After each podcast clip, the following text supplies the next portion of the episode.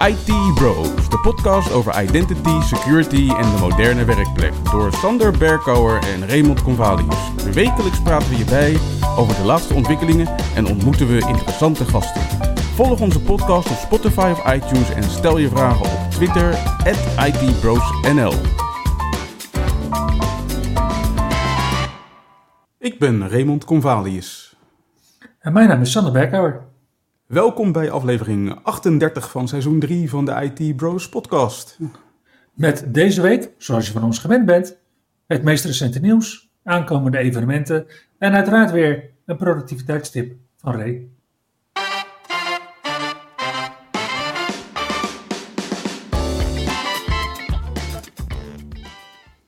Ja, zullen we dan ook maar vanouds gewoon met Windows 11 nieuws beginnen, Ray?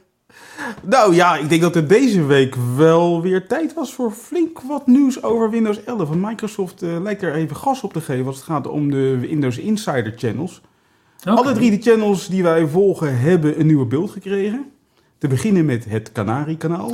Nee, ho even, wij, wij volgen vier kanalen, vriend. Je hebt het blauwe Canary-kanaal. Mm -hmm. We hebben het ontwikkelaarskanaal. We hebben het beta-kanaal. En we hebben het release preview kanaal. Ja. Over die laatste zal ik het vandaag niet hebben. Oh, oké. Okay. Maar wel over het Canary kanaal, het ontwikkelaarskanaal en het beta kanaal. Te beginnen met het Canary kanaal. Die kreeg op 18 oktober beeld nummer 25977. En daarin bouwt Microsoft ondersteuning voor Bluetooth Low Energy Audio. Okay. Oftewel LA Audio. En daar zullen vooral mensen met uh, gehoorapparaten heel erg blij mee zijn. Want nu wordt het dus mogelijk om het gehoorapparaat rechtstreeks te koppelen aan Windows en te gebruiken voor bijvoorbeeld Teams meetings en dat soort zaken. Verder zitten er wat nieuwe features in. Zo wordt het mogelijk om per applicatie te bepalen of ze de lijst met beschikbare wifi-netwerken kunnen opvragen voor locatiebepaling. Oké. Okay. En het wordt uh, mogelijk om geheel te onderdrukken dat applicaties überhaupt kunnen vragen om je locatie op te vragen. Je weet wel, je hebt soms van die applicaties die vragen iedere keer weer van, uh, mogen we je locatie weten? Nou, dat kan je dus ja. gewoon in één keer blokkeren met een setting die heet Notify when apps request location. En die kan je dan vervolgens op disabled zetten en dan kan dat niet meer. Ja, dan hoef je niet telkens nog steeds niet te klikken, maar is het gewoon, uh, hou er maar mee op. Precies. Nou, en ondertussen is dit ook de eerste beeld waar mail en calendar niet meer worden meegeïnstalleerd als je een schone installatie doet van Windows. Dus dat is gewoon echt completely exit. En de Xbox Game Bar, die gaat voortaan door het leven als de Game Bar. Ja, want je kunt ook op Windows gamen. Het hoeft niet specifiek Xbox te zijn. Precies. Canary-kanaal is dan natuurlijk de meest vooruitgeschoven. Wat zagen we in het ontwikkelaarskanaal? Nou, daar zag je ook die Game Bar die van naam veranderde. En Copilot is nu op meerdere beeldschermen beschikbaar. Dus als je met een multischerm configuratie werkt, kan je nu Copilot op allebei je schermen opstarten. Niet zo heel veel nieuws dus voor het uh, ontwikkelaarskanaal. Het beta-kanaal had ook nog wat nieuws. Er is een nieuwe feature in Disabled in het beta-kanaal, namelijk de nieuwe kleurtjes voor emojis die gebruik maken van het Color V1-formaat. Ja? Die zijn tijdelijk even niet beschikbaar. Althans, het Color V1-formaat is tijdelijk niet beschikbaar. En Microsoft is daar wat bugs uit aan het oplossen en komt binnenkort daarmee terug, zeggen ze. Oké. Okay. Speciaal voor ons in de Europese Economische Gemeenschap wordt het nu mogelijk om Windows, althans moeten wij voortaan Windows toestemming geven om data te delen tussen Windows en andere Microsoft services. Gevolg van Europese regelgeving. Ja, en ik vind het uh, ja, misschien ook wel goed. Ik denk het ook wel. Maak het maar inzichtelijk, denk ik. Precies, helemaal. Net als NTLM-verkeer. Want dat ik dat nog steeds op elk netwerk wel tegenkom. En dat mensen zich nog steeds afvragen van, ja, maar waarom dan? Nou ja, mm -hmm. er zijn gewoon nog steeds negen scenario's waarin je NTLM gebruikt. In plaats van het veel veiligere Kerberos-protocol. Ja. En Microsoft die gaat nu serieus aan de bak. En die zegt nu, ja, is allemaal leuk en aardig, die negen scenario's, maar NTLM gaat exit. En Microsoft heeft daar een, eh, een heel leuk stukje voor geschreven. Is eh, uitgebracht op 11 oktober dit jaar. Waarin ze zeggen van ja, NTLM gaan we gewoon afbouwen in Windows 11. En dat ja, is dan niet ineens dat je niet meer eh named pipes richting SQL kan gebruiken. Of je NTLM-nek breekt over een Active Directory trust heen. Want ze bieden ook twee nieuwe features. Ja. De eerste feature is de Local KDC voor Kerberos. En daarmee krijg je dus Kerberos ondersteuning voor lokale accounts. Spannend. En we krijgen IA Curb. En dat is een feature die ervoor zorgt dat je met Kerberos authenticeert. Ook al heeft jouw netwerk echt helemaal niks. Zoals, pak een DNS, Netlogon of eh, DC Locator. Dan is overal in Windows waar NTLM hardcoded was, wordt dat nu negotiate. Dus daar zou je met de juiste handshake, zou je daar dus op Kerberos moeten uitkomen in plaats van NTLM. En hoewel ik vind dat het al best wel aardig gaat, krijgen we nog meer beheer en logging opties voor NTLM gebruik. En uiteraard zie je dat AES op domeincontrollers standaard wordt gebruikt. Maar daar hebben we het al een aantal keer over gehad in deze podcast. Als ik deze post zo goed lees, dan voel ik een beetje dat Microsoft aan het ontwikkelen is op Active Directory. Zou het dan zo zijn dat we nu na hele, hele lange tijd nieuwe features gaan zien in Active Directory?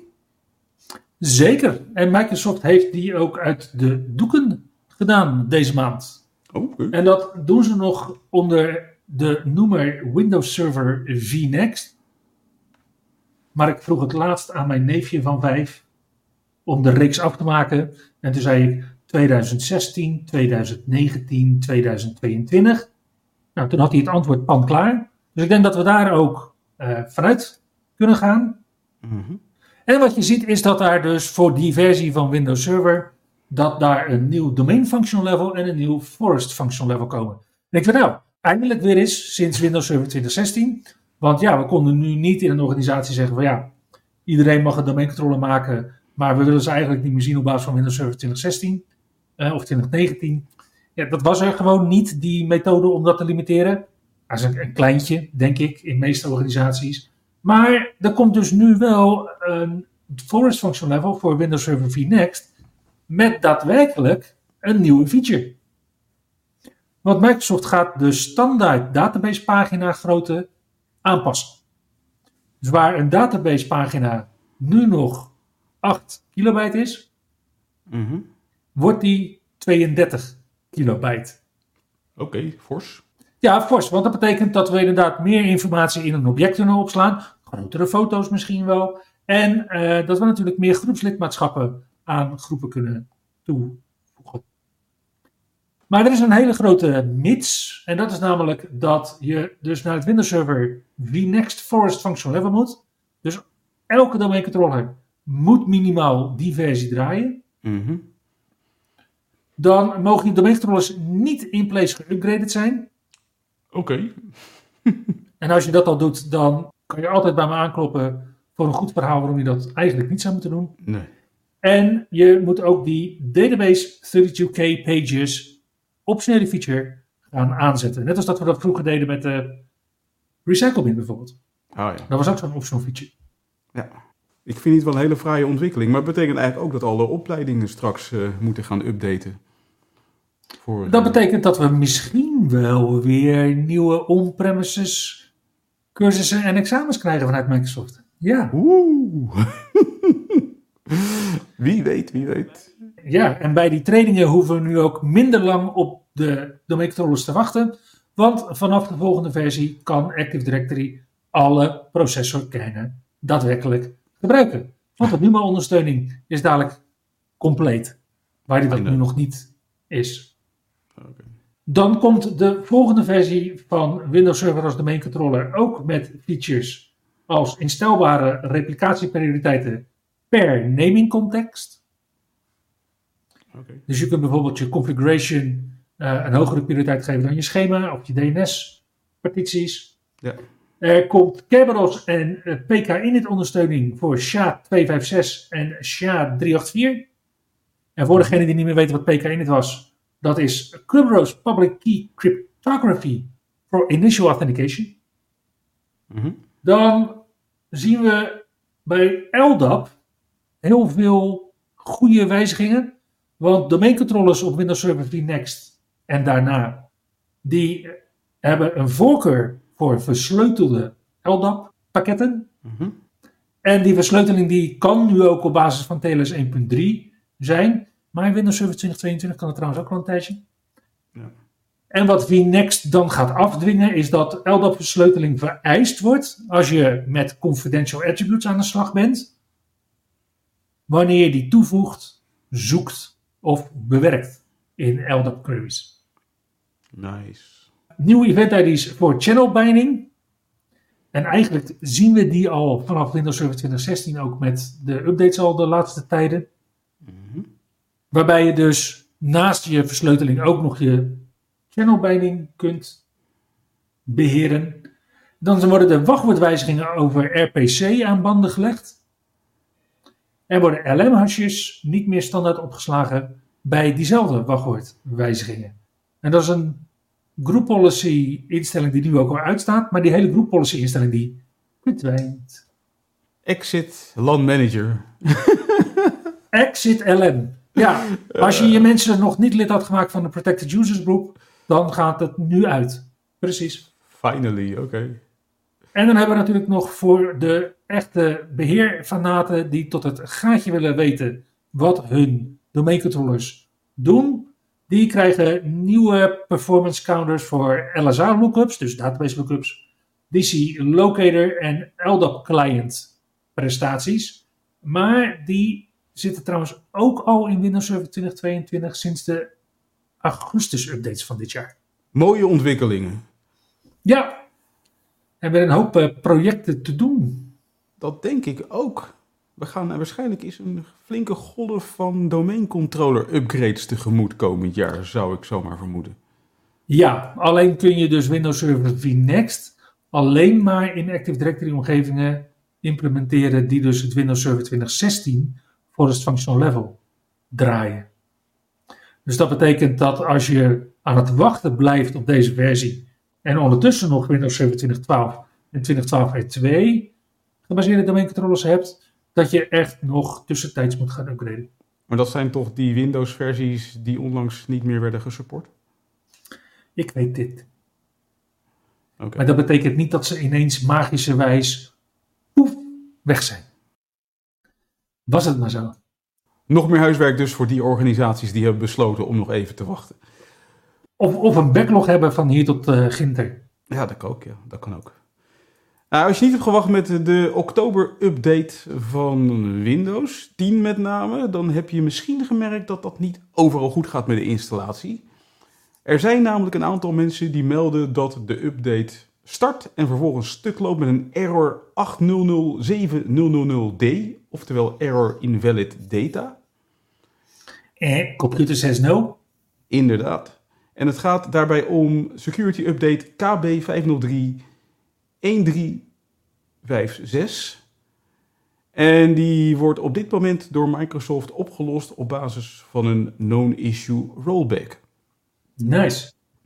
En dat waren niet eens alle problemen wat betreft de oktober-update, want ook Hyper-V bleek een issue te hebben. Onder andere collega Jetse Mellema wist te melden dat na de update op Hyper-V de VM's die gebruik maken van Secure Boot niet meer wilden starten.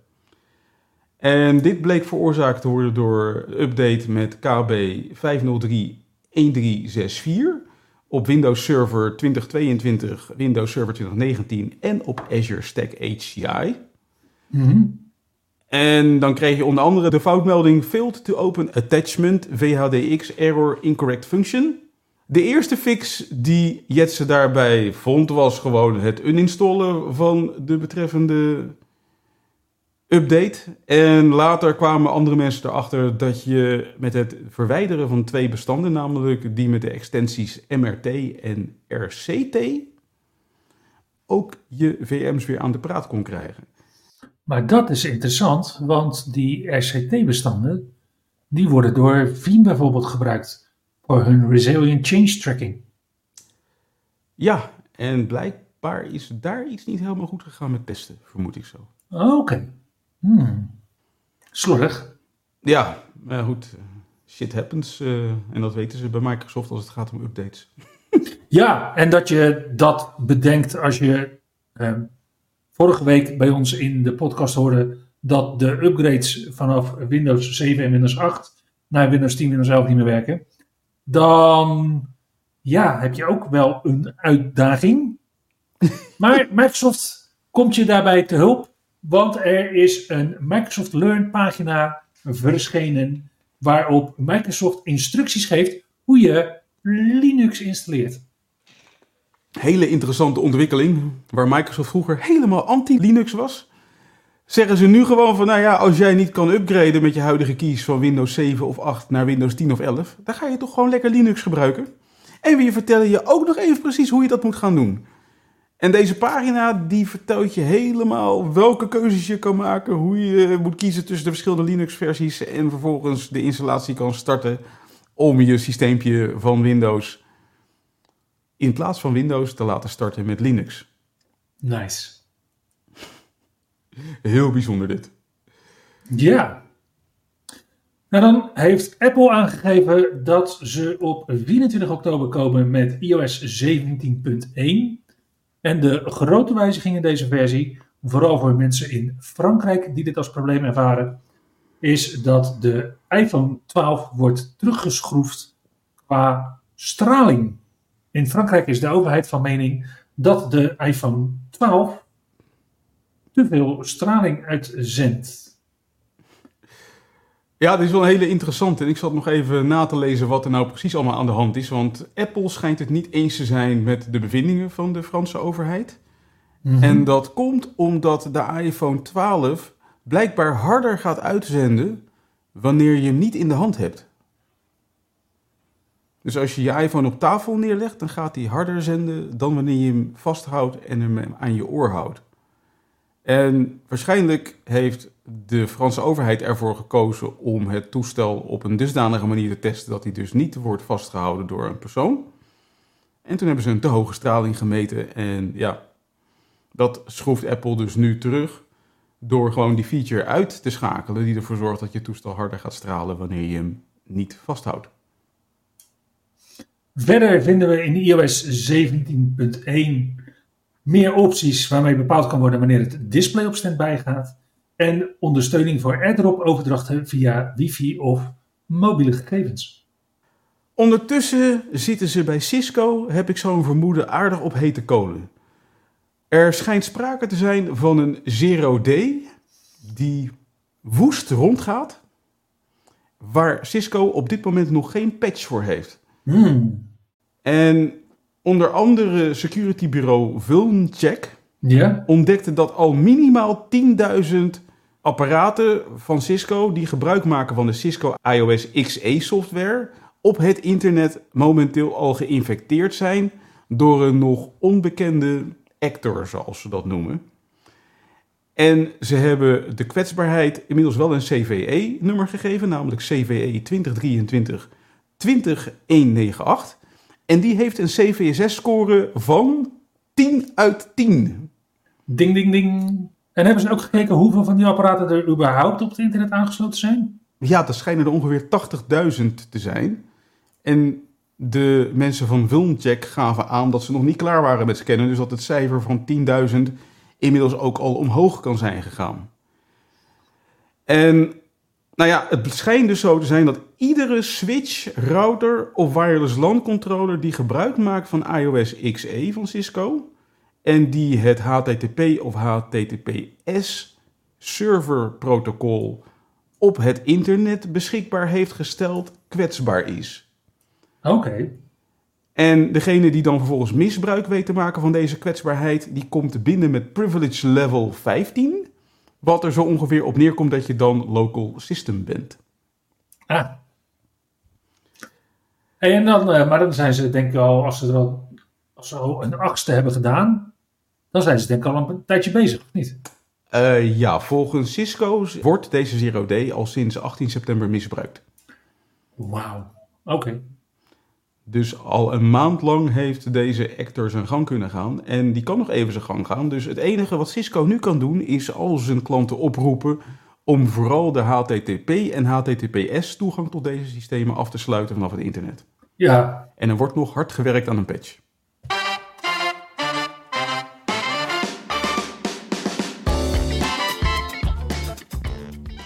Kijken we naar de aankomende evenementen, dan zien we volgende week van dinsdag 24 oktober tot en met vrijdag 27 oktober vier dagen lang Go Data Fest van Xebia. En dat is een evenement waar je als gegevensfanaat, maar ook met interesse voor artificial intelligence en large language models helemaal je ei kwijt kunt. Weet je niet wat je op woensdag 25 oktober gaat doen? Dan kun je vanuit ons aanbod evenementen kiezen uit maar liefst drie evenementen. Je kunt aansluiten bij de barbecue na afloop van het evenement waar onder andere Raymond en ik, maar ook Erwin Derksen spreken om legacy systemen naar moderne interpretaties te brengen. Je kunt uiteraard ook aansluiten bij de kennissessie Microsoft Defender for Endpoint vanuit de Modern Infra Knowledge Hub bij iShare in Munich. Of als je in de buurt bent van Contig, dan kun je in België aansluiten bij de lancering van Experts Live België. Ja, en de presentatie op woensdag 25 oktober, die ik dus onder andere ook ga verzorgen, daar vier ik ook nog even mijn verjaardag. Dus als je me wil komen feliciteren, ben je van harte welkom. Yes, de link vind je zoals altijd in de show notes.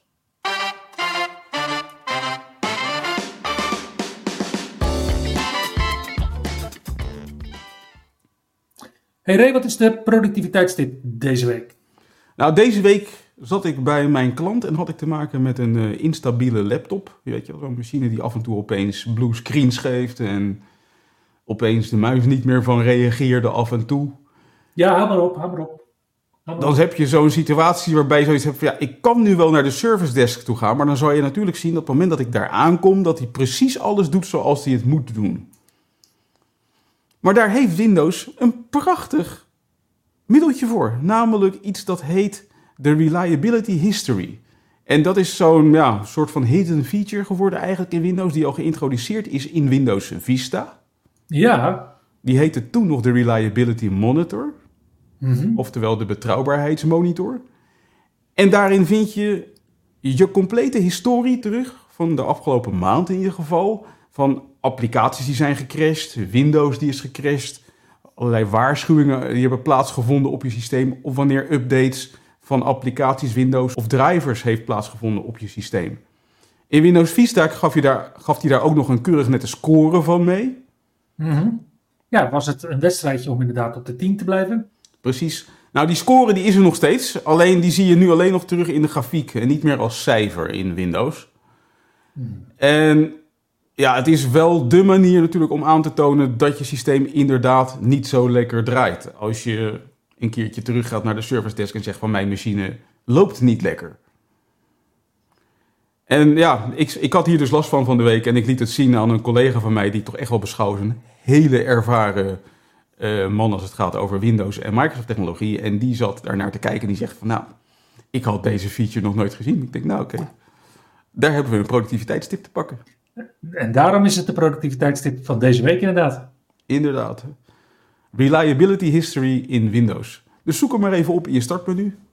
Gewoon klik je op start en dan tik je in reliability en hij verschijnt vanzelf in beeld. Yep, ook op Nederlandstalige versies. Yes. En daarmee komen we aan het einde van aflevering 38 van seizoen 3 van de ISD Bros podcast. Dankjewel voor het luisteren en tot volgende week. Tot de volgende keer. Je luisterde naar IT Bros, de wekelijkse podcast over identity, security en de moderne werkplek. Abonneer je op Spotify, iTunes of Google Podcast als je de volgende aflevering niet wilt missen.